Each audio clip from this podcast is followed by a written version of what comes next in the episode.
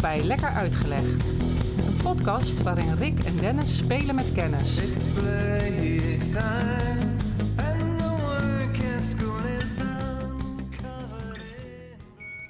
Ik wil, omdat wij allebei zijn we muzikant, Mhm. het toch ook wel eens een keer over muziek hebben. Goed plan. We doen het altijd terzijde. Er komt altijd wel een soort tekst van een liedje voorbij. Of we krijgen in één keer een zin uit onze mond die blijkt een tekst, eh, de, de titel van een nummer te zijn. Of de Zeer- referenties zijn er wel. Zeer associatief Wat qua betreft muziek. eh, de muzikant, muzikant, muzikale kant van ons leven. Mhm. Maar vandaag wil ik het eens over iets zeer keihards, echt de, de kern van muziek hebben. Oké, en wat, wat zie jij als kern, keiharde kern van de Van muziek? Dat is eigenlijk ook, ik begin met een vraag aan jou. Schrijf jij wel eens muziek? Nee. Of heb je dat ooit gedaan ook? Nee, dus. Ja, maar bedoel je met muziek eh, melodieën of bedoel je liedteksten of bedoel je het hele eh, geheel? Ik bedoelde mee notenschrift. Nee, notenschrift, nee, nee, nee. Misschien wel ooit toen ik het heb geleerd dat ik daar eens eh, een riedeltje van opgeschreven heb. Maar nee, dat is niet mijn... eh, ik ben autodidact muzikant. Ik doe eh, wat ik hoor, dat Hm. doe ik na. En dan maak ik daar mijn eigen versies van. Maar ik ben niet in staat om makkelijk noten te lezen Nee. of te schrijven. Nee, dat deden wij ook. Wij zijn allebei zeer op het gehoor afgegaan Ja. qua muziek maken. Maar ik geloof ook dat je, maar jij bent vooral drummer. Je kunt nog wel meer, maar jij bent eh, meer van het ritme. Mhm, zeker. En noteer je dat eigenlijk anders? Dat weet ik eigenlijk Ja, niet. dat noteer je anders. Je hebt ook wel, eh, je, hebt je kan bijvoorbeeld een, een, een boek kopen waarin drumpartijen staan. En dan kan je die van blad aflezen en naspelen. Jazeker. Is dat een soort tabulatuur bij gitaar? Zie je bijvoorbeeld akkoorden staan in plaats van de losse noten? Staat er bijvoorbeeld G7. En dat weet ik dan als muzikant, als ik gitaar speel, welke greep dat is. Ja, Heb je bij drums zo'n beetje van boom tak en dan is boom de kick? De ja ik geloof. kick de Ik, snare, moet heel, eh, heel erg terugdenken. Ik heb het ooit wel eens voor me gehad. En ik heb ook wel eens wat ingestudeerd op die manier. Maar ik kan me eigenlijk niet meer zo goed herinneren hoe dat genoteerd werd. Eh, ik denk dat dat echt, eh, zeg maar, als, het, als we kijken naar notenschrift, dat de, de, de balk, de, de notenbalk, zeg maar, die bestaat uit eh, zes, Vijf. vijf Ja. lijnen. En ik geloof dat die lijnen dan ook. Nee, ik weet het niet meer. Grappig, want ik weet het ook niet, maar ik speel geen. Ik zou me kunnen voorstellen dat die dan, hè, snare, tom, Ja. eh, bekken. En dan staat er onder 1, 2, 3, 4. En dat is dan je linkerhand, je rechterhand. je... Nou, ik zou, het, ik zou het eens even moeten opzoeken. Nou. Maar het, het, het bestaat en het, eh, het is... eh, maar dat is niet mijn ding. Nee, Nee. nee, voor mij ook niet. En dus ik vond het sowieso leuk om eens eh, voor mezelf uit te zoeken en jou te, te vertellen. En we zullen hier en daar nog wel wat meer uitwisselen kunnen. Want ik wil het vandaag gaan hebben over muzieknotatie. En even, even heel kort in de geschiedenis, niet te veel. Vermoed wordt dat we de eerste muziekschrift eh, al duizend, 2000, sorry, 1000, nee, 2000 jaar oud is. Mhm. Zo rond halverwege de tweede eeuw na onze jaartelling, dus eh, in 150 ongeveer, denken we dat eh, Ptolemeus een poging heeft gedaan om muziekschrift. Dus de Griek, hè, degene die Ja. we ook een beetje kennen van de planeten die hij eh, bestudeerde, als ik Mhm. het goed herinner. En, maar echt een duidelijk, maar daar is niet zo heel veel van eh, achtergebleven qua eh, op, op schrift. Kan ik me voorstellen. Ik heb met iemand die ik ken uit een WhatsApp-groep, die ge- geeft de lessen in, in muziek, eh, muziek, maar ook in mu- muzieknotatie. En Mhm. die zei dat dat eh, waarschijnlijk eh, degene De is, de oudste schrift is. Of in ieder geval waarvan we denken dat dat de eerste keren was dat muzikanten of componisten hun liedjes op schrift gingen zetten. Ja. Nou, de echte eerste waar we van wel wat zeker zijn, is, eh, waar, is, een, is een Romeins filosoof uit de zesde eeuw, eh, Boetius. Ik had de naam wel eens gehoord, gek genoeg. Maar Boetius Rhapsody? Die heeft ook een hit geschreven, volgens mij. Ja, Is die al zo oud? die is al heel oud, ja. En die eh, heeft het notenstelsel een, een, een flinke swoeng gegeven. Zijn, zijn noten waren eigenlijk niet zoals wij ze nu kennen. Daar gaan we Nee. het sowieso nog wel over hebben. Maar over, die had een idee van als je de noten allemaal bekijkt die we kunnen zingen... dan hebben we de laagste is de A, Mhm. de hoogste is de O. Nou ja, dat was zijn idee. A tot en met O. Meer niet. Als je nadenkt waar, welke tijd we hebben, het over de vijfde, zesde eeuw, eh, zijn een heleboel dingen worden nog met elkaar gekoppeld ook. En Boetius was het, eh, voor Boetius zat hij ook te kijken van hoe zit nou die noten, hoe, hoe, hoe zitten die snaren, want het ging vaak over, over instrumenten ook, weer gelinkt aan hemellichamen. Oh, ja. Dat doen wij niet meer zo, geloof ik, Nee. tegenwoordig. Daar zijn wij van losgeslagen. Nee, ja, precies. Hij, hij, eh, maar hij kende ook eh, Nico Magus. Dat was iemand die veel met planeten en toonladders bezig was. Nou, dat is zesde eeuw. Dat lijkt nog op geen enkele manier op, want je hoort al, ja, het heeft, het let, heeft een paar letters van A tot en met Mhm. O. Verder. Tamelijk mystiek Ja. nog. Stap verder ging het in de negende, sorry, in de eh, zevende eeuw. Ja. En dan komen de Gregoriaanse gezangen. Gezongen gezangen. gezongen gezangen die komen eh, eh, voor het eerst op papier. Die worden geordend en die worden vastgesteld. Dus het, het- de- dan wordt er al Maar dan gekeken- wordt het dus ook met, met het idee van... eh, het kan, door het vast te leggen, kan het worden nagezongen. Vooral de teksten ook. Hè? Want eh, de, de muziek is al vaak twee dingen. Het is of Ja, het is, het is melodie, ja. of drie dingen. Melodie, ritme en ook tekst. Maar die melodie, die werd dus ook vastgelegd? Oh, dat nog- nog niet. Oké. Nee. Dat ging er meer om eh, vastleggen door Gregorius van alle kerkelijke gezangen die er Ja. op dat moment waren. Pas in de negende eeuw gaat men echt nadenken over... kunnen we een zanger of een groep zangers, een koor, niet helpen? Ja, Om een beetje te snappen waarom, eh, niet waarom, maar wat moet ik zingen? En daar, eh, in die tijd kreeg je de neumen. Ik had het woord wel eens gelezen, maar ik had het begrepen. Neumen Neumen. notatie.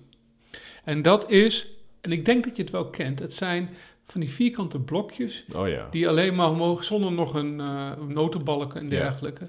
Maar die gaven eigenlijk aan, als je nu dit zingt, Ja. dan is de volgende noot. Dus dat werd hoger. relatief. Ja, Het werd Dus rela- een ja, relatieve inderdaad. notatie. het was de melodiegang Ja, van een lied. En niet nou, dat is al een hele sprong voorwaarts. Het was een hele sprong voorwaarts. Want dan snapt hij in ieder geval dat als jij A zong, dat je dan Mhm. niet, eh, als, je, als dat er ergens stond, dat je een blokje hoger moest Ja. doen, dat je dus met z'n allen een blokje hoger ging. Maar relatief, wat je zegt. Blokje om, was die er ook blokje hoger zat er ook bij. ja. Stephanie gaat, dan moet je Om eerst je je mond dicht houden. een blokje om en dan kom je weer en dan proberen we het nog een keer. Ja, dat is sowieso wat ik moet doen als ik moet zingen, dat ik mijn mond dicht moet houden. kan ik ook beter Ja, wij zijn geen zangers. Dus, ja. nee, maar de, nee, de notatie, dus de neumennotatie, gaf geen toonhoogte eh, eh, eh, weer. Nee, Geen maar een intervallen. relatief... eh, Geen ritme, al dat soort, maar alles alleen Ja. relatief tot waar je op dat moment bent in de zin. Nou, en dan komen we toch niet veel later, gelukkig, in de 11e eeuw. Het gaat elke keer in twee eeuwen, heeft dat nodig om iets te ontwikkelen. In de 11e eeuw komt Guido. Guido? Ja, nee, dat is niet mijn eh zwager trouwens. Maar, eh, Mhm. ehm, Guido van eh, Arezzo. Nooit van gehoord. Ja, ik ken dus ook. Ik, ik ken al die, maar dat is misschien omdat ik wel eens een keer een muziekboek heb gelezen over Mhm. muziekgeschiedenis. Dan zijn ze langsgekomen. Ja, en hij was een ehm, Benedictijnse monnik uit eh, waarschijnlijk Arezzo. Ja, dat, dat zou ik ook gegokt hebben. En hij zag mogelijkheden om meer te doen met die neumennotatie. Ja, En hij heeft toen bedacht een- een notenbalk. Eh, waardoor hij aan kon geven waar staat een noot ten opzichte niet van elkaar alleen, maar ook ten opzichte van, zeg maar, niet meer relatief, maar... nee, met een nulmeting. eh, ja, je weet dan een beetje, als ik A zing en ik eh, ga twee balken te hoger, dan is Ja. dat ook meteen twee. Ja. Eh, het klinkt voor ons wat Maar is dat dan ook het principe van... Kijk, dan, dan heb je een grondtoon of zo nodig, toch? Ja, hij, hij, hij begon, hij heeft een boek erover geschreven, dat heet de Micrologus, uit eh 1026 ongeveer. Dus ja, echt duizend jaar geleden kwam eigenlijk de notenbalk Ja. in de wereld. En wij kennen het wel, wat hij heeft gedaan. Want hij gebruikte een eh, hymne in die tijd. En de eerste woorden van die hymne zijn eigenlijk onze... eh, is de manier waarop wij nu noten bazaal zingen. Zelfs, het zit zelfs in... eh, Do, re, mi? Ja. Ah, In, in, in het Latijn was het ut, re, mi, fa, sol, la. ja. En ik ga niet het, eh, want ik ben niet zo goed in Latijn. Nee, ik ook niet. Maar het eerste, het, de hymne heet het quant laxis. Hmm. Resonare fibris, mira gestorum. Nou ja, dat gaat nog iets verder. En eh, dat was eh, de, eh, de hymne waar die hij heeft gebruikt om toonhoogte te gaan definiëren. Dus Ja. hij gebruikte notenbalk, Mhm. noten erop en verhoudingen tot elkaar in meer absolute zin. Dus dat was een eh, enorme uitvinding. Overigens, ook altijd over beide weetjes. Die notenbalken met dat do, re, mi erop is vooral een westers iets geweest. In Byzantium en in Azië hebben ze het, he- hebben ze het nooit Nee. gebruikt eigenlijk. Ja. Ja, tegenwoordig we zijn nu duizend jaar verder. Komt dat omdat het dan ta- taalafhankelijk is? Eh, nee, daar, dat weet ik niet. Ik denk dat ze gebruikten daar wel een neumensysteem. Oh, ja. Dus die noten of die, die klanken, die toonhoogtes, ja, dat is toevallig dan in het, uit het Latijn, maar dat zou je natuurlijk ook kunnen omzetten naar de taal van jouw Ja. land. Ja. Met een hymne van jouw land of een lied van jouw land. En eh, dat ut re dus eh, do re mi, zoals we, dat wordt nog steeds gebruikt in Spanje en Italië. Terwijl wij, te- wij doen het hier in, eh, meer in het noorden van Europa met ABC. ja. Dus of. Maar ja, do, re, mi leer, leer je ook nog als Ja. je eh, met de blokfluit en zo begint. Klopt. Je bent ook met de blokfluit begonnen. Nee, nee, nee, nee. nee. Ja, Ja, ik heb ja, trouwens, ja, misschien op school wel. Ja, op school, we hebben wel zo'n ding gehad, ja. Ja. Ik wel. Ja, nee, doe me denken aan een aflevering van, eh, hoe heette die serie ook weer, met die broertjes? Een hele leuke is een hele ruime definitie. Nee, die serie met die broertjes. nee, met die kinderen, en die, eh, hele leuke serie. En die, god, hoe heet dat nou? Ja, het is zo irritant als je dan een associatie hebt en je komt er niet op.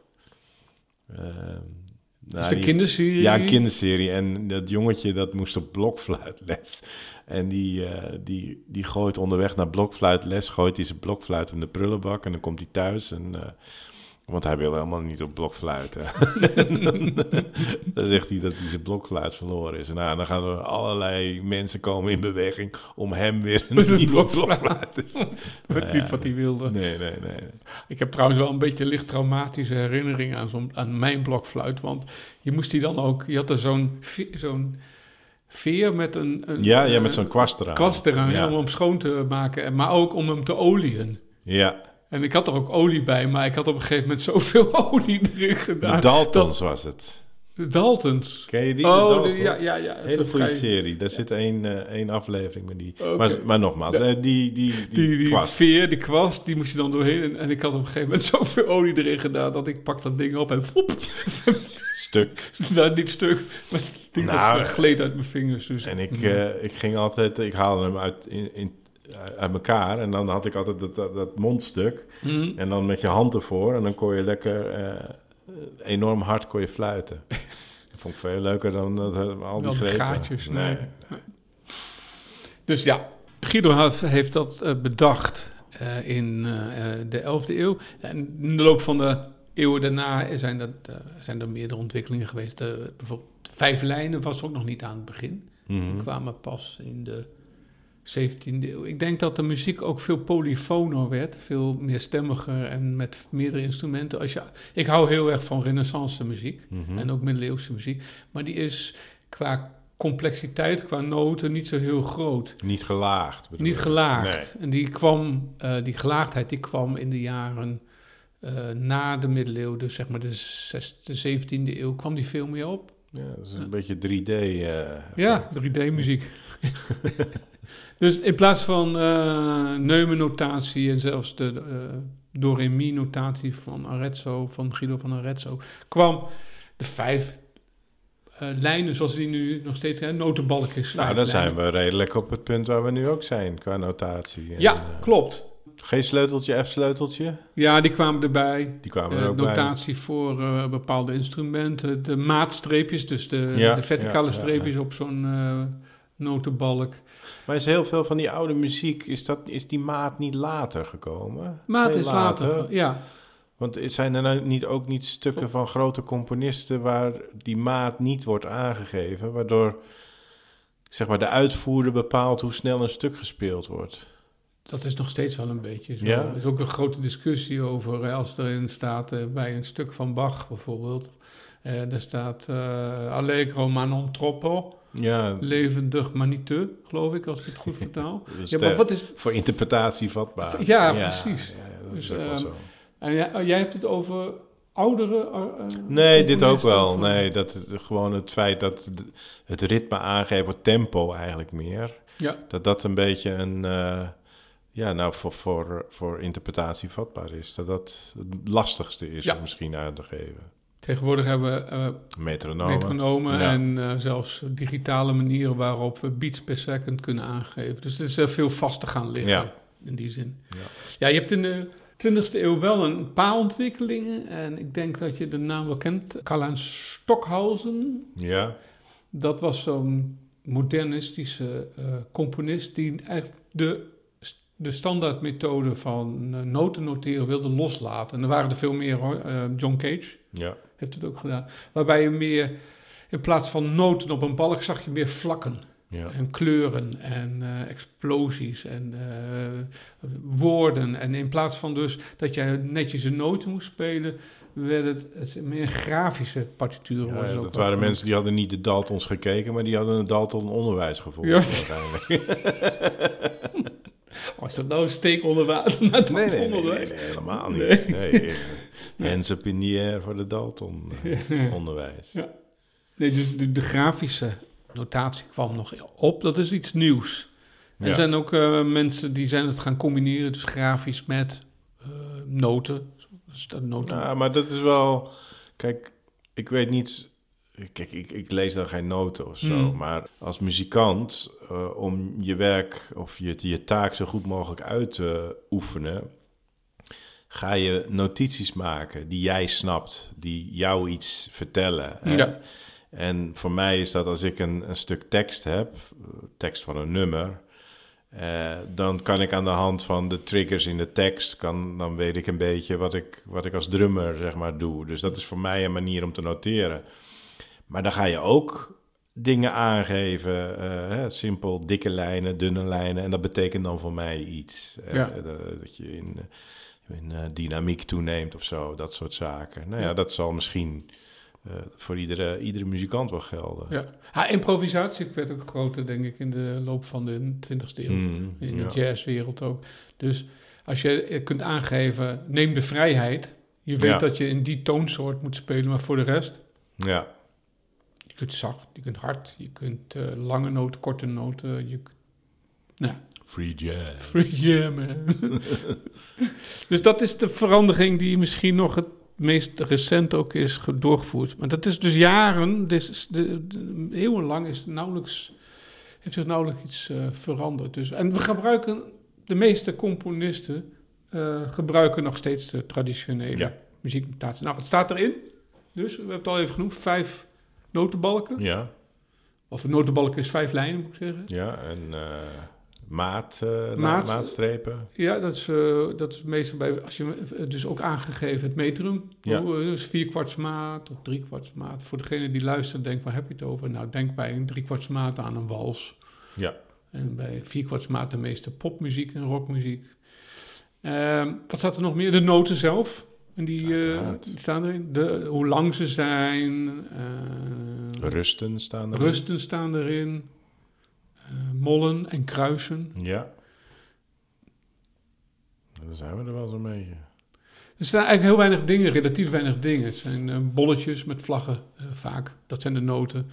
Nou, waar wil ik vandaag naartoe? Want het is allemaal inleidend geschud. Het gaat wel over noot, eh, noten noteren op bladmuziek. Mhm. Ik ga naar de vraag, kan dat niet wat handiger allemaal? Ja, dat zou voor mij wel prettig zijn. Al die noten en al die balken en die toonhoogtes. En Ik, weet- ja, wij hebben dus nooit muziek genoteerd. Ik Hmm. niet in ieder geval.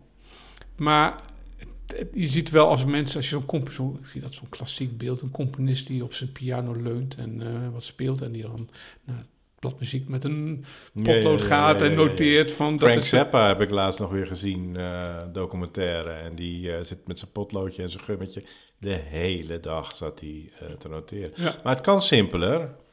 Want eh, ik heb wel eens eh, meegekeken met de Jostie Band. En dan, Ja. doen ze, dan doen ze een kleurtje op een toets van een, van een orgeltje. En dan staat er gewoon kleuren. En dan moeten ze gewoon de kleurtjes indrukken. Heel Dus makkelijk. Het, het kan simpeler. En die hebben ook Grammys of wat ook gewonnen. Nee, geen Grammys. Muziekprijzen. Ja, gewonnen. dus het, het, je kunt het simpeler maken. Ja. Nou, maar dat is zeg maar eh, wat er op het schrift staat. Maar hoe krijg je het op het schrift? Nou, dan gaan wij eh, naar het einde van de 19e eeuw. We hebben een eeuw van industri- industrialisatie achter de Mhm. rug. We hebben heel veel nieuwe apparaten zijn Ja. gemaakt. En dus wat komt er ook? Iemand komt op het idee om een music typewriter te maken. Hmm, dat, Ja. dat, doet, dat, doet mij denken aan die muziekboeken in die draaiorgels. Nee, Dat je gaatjes eh Ja, dat die... eh, ponst, eh, nee, stanst. nee, dit is iets anders. Ah. Er zijn er drie en ik wil de laatste, de mooiste vind ik zelf. Die, die wil ik tot het eind bewaren. Er zijn Mhm. nou drie, er zijn er een heleboel. Maar er zijn drie die, die, die iets meer succes hebben gehad dan de rest. maar dat zijn serieuze pogingen om, Ja. om via Ja. een, een, een toetsentype type Ja, toetsen ja, let op. de eerste is de, de- die is uit 1885. Dat is de Columbia Music Typewriter. Een ontzettend apart apparaat. Het is een soort van handvat met aan het eind een draaicirkel. Mhm. En op die draaicirkel staan, staan muzieksymbolen. Die zitten op de rand als het ware. Dus je kunt hem ronddraaien totdat je de muzieknoot die je wilt hebben, want je hebt verschillende noten, dat die onder zit. En dan druk je hem op de inktrol, die zit er ook bij. Mhm. En dat komt op het papier. Ja, maar wat, wat zijn we dan aan noteren? Nou, de- de- dit is straks het hele punt ook. Hè? Wat, wat is hier het nut nog van Ja. eigenlijk? Je kunt er ook een potlood pakken. Maar ik denk dat een aantal van deze apparaten ook zijn gemaakt om... eh, van het kan. Hè? We, we kijken Ja, ja. of we... We hebben al zoveel apparaten gemaakt die ons leven makkelijker, maken. Misschien dat dit het ook Misschien dat dit het ook was. Ehm, La- zo klinkt het niet. nee, Nee, nog Nee. niet. Nee, en ook veel noten, als je ze op papier brengt, hebben een bepaalde afstand tot elkaar. Mhm. En dat is met dit apparaat ook niet, Niet zo heel doen. duidelijk hoe dat nou goed nee. eh, is te krijgen. Maar Nee, dat werkt totaal niet. eentje, eh, d- niet veel later, nou, niet veel later, wel eh half jaar, half eh, eeuw later, kwam de Milotype. Ook een type. Ook een type machine, gemaakt door waarschijnlijk Gustav eh Roenstatter. Tuurlijk. uit, eh, je hoort het al, Duitsland, Frankfurt. Eh, die maakte de melotype. In Amerika bekend als de nototype. Dus het is een apparaat dat wel eh, wat over, buiten de landsgrenzen van, eh, Van Duitsland, van Duitsland kwam. gekomen is. En dan ga ik iets voorlezen, want ik moest er zo om lachen. Jij hebt terecht net al iets opgemerkt op van, oh, wat voor nut heeft dat nou? Let op. Hij won dit apparaat van Roenstatter, de Melotype. Die won op de internationale tentoonstelling in Parijs in 1937 de grote prijs. Nou, en de machine ziet eruit als een typemachine, en nu ga ik even quoten. Behalve dat het gewone toetsenbord is vervangen door een speciaal ontwerp en dat de wagen, dus dat is het deel wat bij een typemachine Ja, heen en weer beweegt. Ja, wie weet nog hoe een typemachine tegenwoordig werkt, maar dat de wagen in plaats van elke keer vooruit te gaan als een toets wordt aangeraakt, blij- stil blijft staan totdat de assemblage van noten en tekens compleet is. Ja, je bent nu al de weg kwijt, denk ik. Ja. Ja, ik wel. Maar het wordt nog erger. De moeilijkheid van het aanpassen van de tekens met verwijzing naar de notenbalken wordt vermeden door een organische verbinding van elke noot met het overeenkomstige deel van de notenbalk. Wel mooi dat we nu de tonen en de noten van de kerk horen. Ik denk dat dat veel relaxter is dan wat ik nog verder te zeggen had. Mijn reactie hierop was: dit is gewoon onwel, ontzettend moeilijk. Ik zou je dan ook zeggen: er zijn in totaal tien van deze machines geproduceerd. Dat is Zonde van je tijd. toch echt, echt waar, ja. Het was een apparaat met 44 toetsen en je kon 88 noten afdrukken. En de advertentie, dat vond ik het grappige, die schreef ook eh, destijds bij, eh, bij dit apparaat, dus de reclame. Mhm.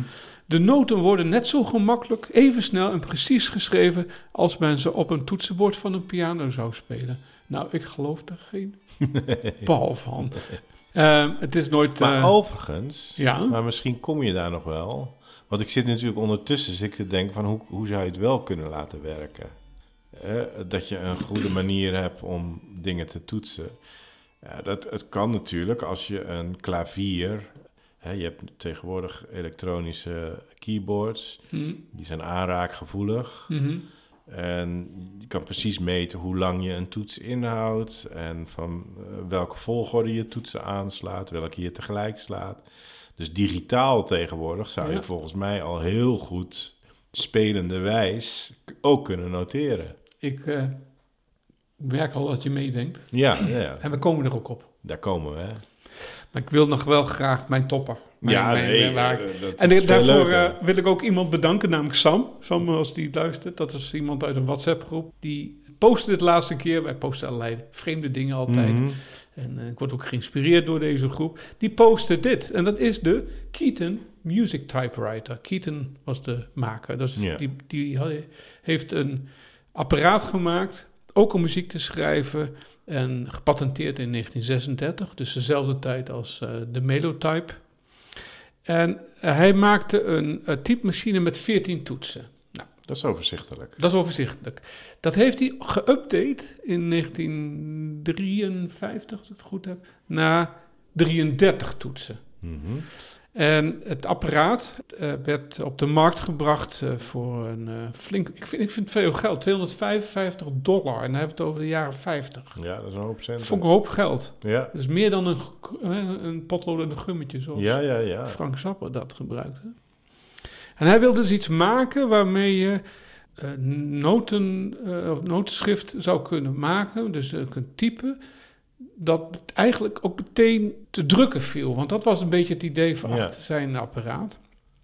Nou, en het mooie eraan is, want ik, ik werd een beetje door gecharmeerd. Als je het apparaat ziet, en ik, ik raad ook iedereen aan om even te typen eh Keaton, K-E-A-T-O-N, en dan typemachine, dan kom je wel ergens een foto tegen, dan zie je hem staan. Het is een apparaat met een soort eh, rond toetsenbord, half rond moet ik zeggen, een soort smiley vorm. En alle noten staan daarop. En anders dan een eh, normale typemachine, dus waar je het papier indraait, als het ware, leg je dit apparaat op een notenpapier, of het notenbalkpapier. Dus je hebt eh, kant-en-klaar notenbalkpapier, dus vijf van die lijnen. ja. Daar leg je het apparaat op. En eh, je had een eh, toetsen voor zowel de noten als voor rusten, als voor... Dat heb je allemaal nodig, Ja, al zei, alles. alles wat je nodig had. ja. En hij wilde dit gebruiken eh, om publiceerbare, tegen tot een handgeschreven manuscript, hij wilde publiceerbare kwaliteit hebben. ja. En dus dat, dat, dus dat eh, uitgevers, muziekuitgevers en muzikanten en componisten makkelijker muziekkopieën konden maken. Nou, ja. Uiteindelijk bleken componisten die zeiden van ja, dit is zo omslachtig. Ik heb het ook gezien. Ik heb even gekeken. Het is een eh, enorm niche apparaat ook uitgegaan Ja. uiteindelijk. Dus commercieel ook geen echt succes geworden. Nu trouwens wel een gewild object om te Het zou verzamelen. wel een collectors item Het is absoluut een collectors item. Zijn er niet, waarschijnlijk zijn er nog een stuk of 12 tot 15, misschien 20 exemplaren op de Mm, wereld die het nog doen, winst. Ja. Überhaupt. E- Enigma-apparaat. Het is bijna ja, Het het is enigma bijna- apparaat ja. van de muziek, ja. Het apparaat is ook volgens mij niet heel makkelijk te bedienen, omdat dat toetsenbord, dat halve ronde, normaal hebben we zo'n rechthoekig Mm.